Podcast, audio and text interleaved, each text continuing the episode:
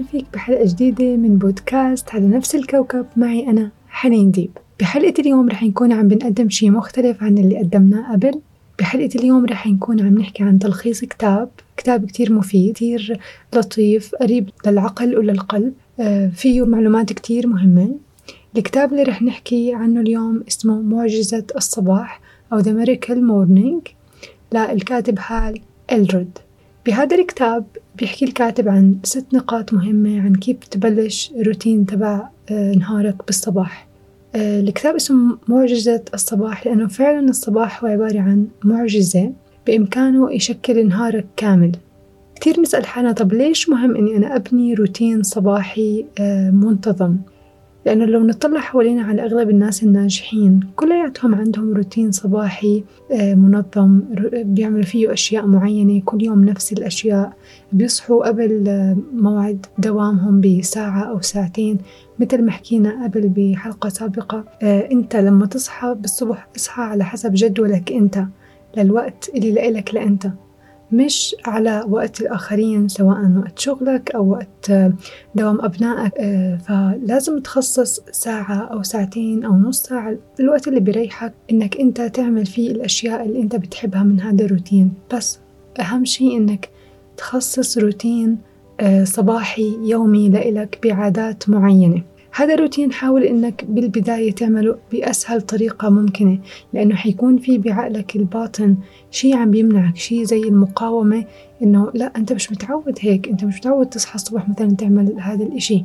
عم بيحاول رح يحاول يرجعك لل comfort zone أو منطقة الراحة. لهيك لما تبني روتين صباحك حاول إنك تبنيه شوي شوي بطريقة اللي بتريحك بأسهل طريقة ممكنة بالنسبة لإلك لحتى أنت ما تخلي عقلك ينصدم مرة واحدة بالعادات لأنه يوم يومين ورح يزهق ويترك. هذه برضو من الأشياء المهمة بموضوع العادات. رح نحكي عنها في حلقة مفصلة يوما ما. بس آه المهم إنك أنت لما تبني روتين الصباح تبنيه بشكل تدريجي تبنيه بأسهل طريقة ممكنة بالنسبة لإلك. بهذا الكتاب رح يكون عم بحكي عن ست نقاط مهمة لبناء روتين صباحي منظم روتين صباحي مليان عادات رح تشكل يومك ورح تشكل برضه مستقبلك. آه، هدول الست نقاط حسب هو موجود بالكتاب إنك أنت تخصص عشر دقايق لكل نقطة من هدول النقاط بحيث انه يكون عندك ساعة كاملة اللي هي ستين دقيقة. هلأ ممكن برضو أنت تكون عم بتميل ل آه، أو ثلاث نقط من هدول النقاط. حاول إنك ركز عليهم. حاول اعمل الإشي القريب لإلك حتى تكون أنت مستمتع برضو انت عم تعمل الروتين الصباحي لإلك. ممكن تختار نقطتين أو ثلاثة وتقسم عليهم الساعة أو نص ساعة أو الوقت اللي أنت حابب تعمله. رح نبلش بالنقطة الأولى. النقطة الأولى اللي هي عبارة عن إنك تاخد وقت من الصمت. Silence. ليش الصمت مهم للإنتاجية والتركيز تبعنا؟ أنت لما بتدخل بحالة من الصمت بحالة من السكون تسمح لأفكارك إنها إنك تكون عم بتراقب الأفكار تبعتك. بزيد تركيزك بزيد إنتاجيتك بزيد هدوءك بزيد إنه أنت آه بتخفف من العصبية اللي ممكن تمرق فيها بنهارك. هذا الصمت ممكن يكون عبارة عن تأمل. حالة الصمت هذه ممكن تكون بحالة من السكون بحالة من الحضور. انت عم تتفرج على ال sunrise ممكن عم تكون عم تتفرج على على العصافير على ال view اللي انت شايفها. ممكن تكون عم تعمل إشي معين بس تكون بحالة حضور كاملة وحالة صمت وحالة مراقبة مراقبة للأفكار تبعتك. النقطة الثانية اللي هي التوكيدات كتير بنسمع عنها أو affirmations. التوكيدات هي مش إشي معقد إشي لازم تعمله أنت بالضبط. التوكيدات ممكن يكون إني أنا آه، أحكي إنه أنا بدي بهذا اليوم إني أعمل أكتر إشي بقدر عليه لحتى أقرب من الهدف تبعي. بدي هذا اليوم أكون إنسان هادئ أنا شخص كافي أنا محبوب وهذه ممكن تكون التوكيدات تبعتك. تكتبها تفكر فيها بعقلك. وهو نوع من أنواع البرمجيات اللي تستخدم لإعادة برمجة الأشياء الموجودة جوا عقلنا. فإحنا التوكيدات أو ال affirmation هو مش إشي آه، بس إنك تضلك تعيد تعيد تعيد فيه.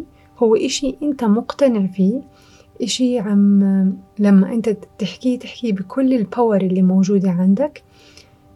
ممكن يكون هذا التوكيد أنا نويت بهذا اليوم إني أعمل أكتر إشي بقدر عليه لحتى إني أستثمر بنفسي اليوم. أنا بدي أعمل أكتر إشي بقدر عليه حتى أكون إنسان سعيد اليوم. بدي أعمل أكتر إشي بقدر عليه لحتى إني آه، أبني يوم جميل. هاي كلها ممكن تكون توكيدات يعني الأشياء اللي أنت بدك إياها بهالنهار ممكن يكون هي عبارة عن التوكيدات اللي أنت بدك إياها. النقطة الثالثة هي عبارة عن التصور. كيف يعني التصور؟ إنك أنت تقعد وتتخيل الأشياء اللي أنت بدك إياها. تتخيل السيارة اللي بتحلم فيها تتخيل البيت اللي بدك إياه تتخيل الحياة اللي بدك إياها تتخيل يومك كيف رح يمشي.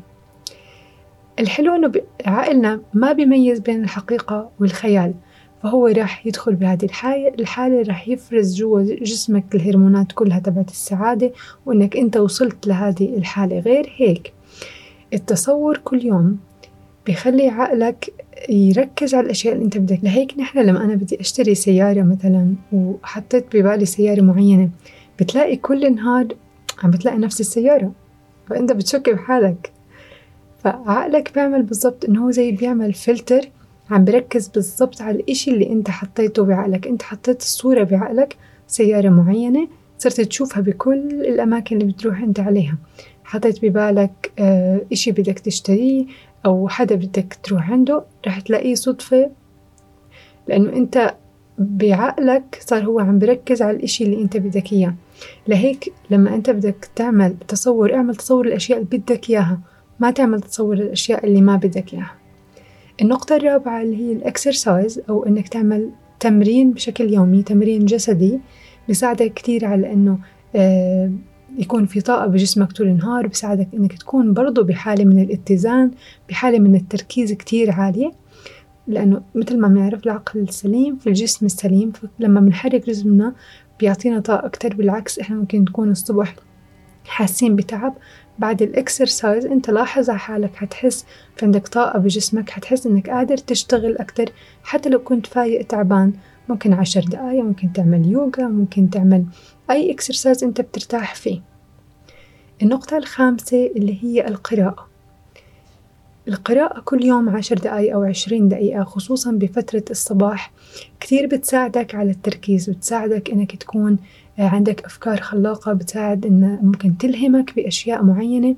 كثير بتساعد إنها تعطيك معلومات حتى بتساعدك إنه يكون عندك مصطلحات كثيرة مفردات كثيرة.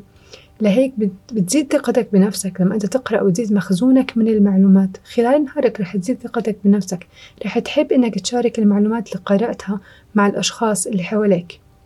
النقطة السادسة والأخيرة اللي هي الجورنالينج أو إنك أنت تكتب. تكتب الأشياء اللي أنت ممتن عليها اليوم. تكتب الأشياء اللي أنت حاببها بيومك. تكتب الأشياء اللي بدك إياها وبدك تصير عليها جسديا نفسيا روحانيا. بكل النواحي اللي انت بدك إياها. الأشياء اللي انت حابب إنك تعملها الأشياء اللي بتتمنى إنك تعملها الأشياء الممتن عليها اليوم. مش ضروري تكون أشياء عظيمة كتير كتير كتير. ممكن يكون إشي كتير بسيط زي إنه أنت صحيت اليوم. على قد ما هذا الإشي بسيط على قد ما هو إشي مهم لأنه أنت اليوم انعطيت فرصة جديدة ويوم جديد لحتى تكون أشياء جديدة كمان.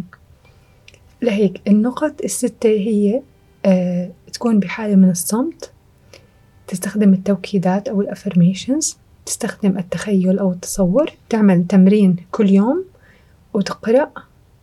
وآخر شيء اللي هي الكتابة أو التفريغ أو التدوين بال journaling. إذا حبيت هذه الحلقة بحب إنك تشاركها مع الأشخاص اللي حواليك والأشخاص اللي بتحبهم. وإذا بعدك مش عامل subscribe أو like للبودكاست بتمنى منك إنك تعمل حتى توصلك الحلقات القادمة وبنصحك إنك تشتري كتاب معجزة الصباح لأنه كتير حيفيدك فيه كتير معلومات أغنى من اللي أنا حكيت لك إياها. وبتمنى لك حياة مليانة سعادة ومحبة وسلام. وكل المحبة والود مني أنا حنين ديب.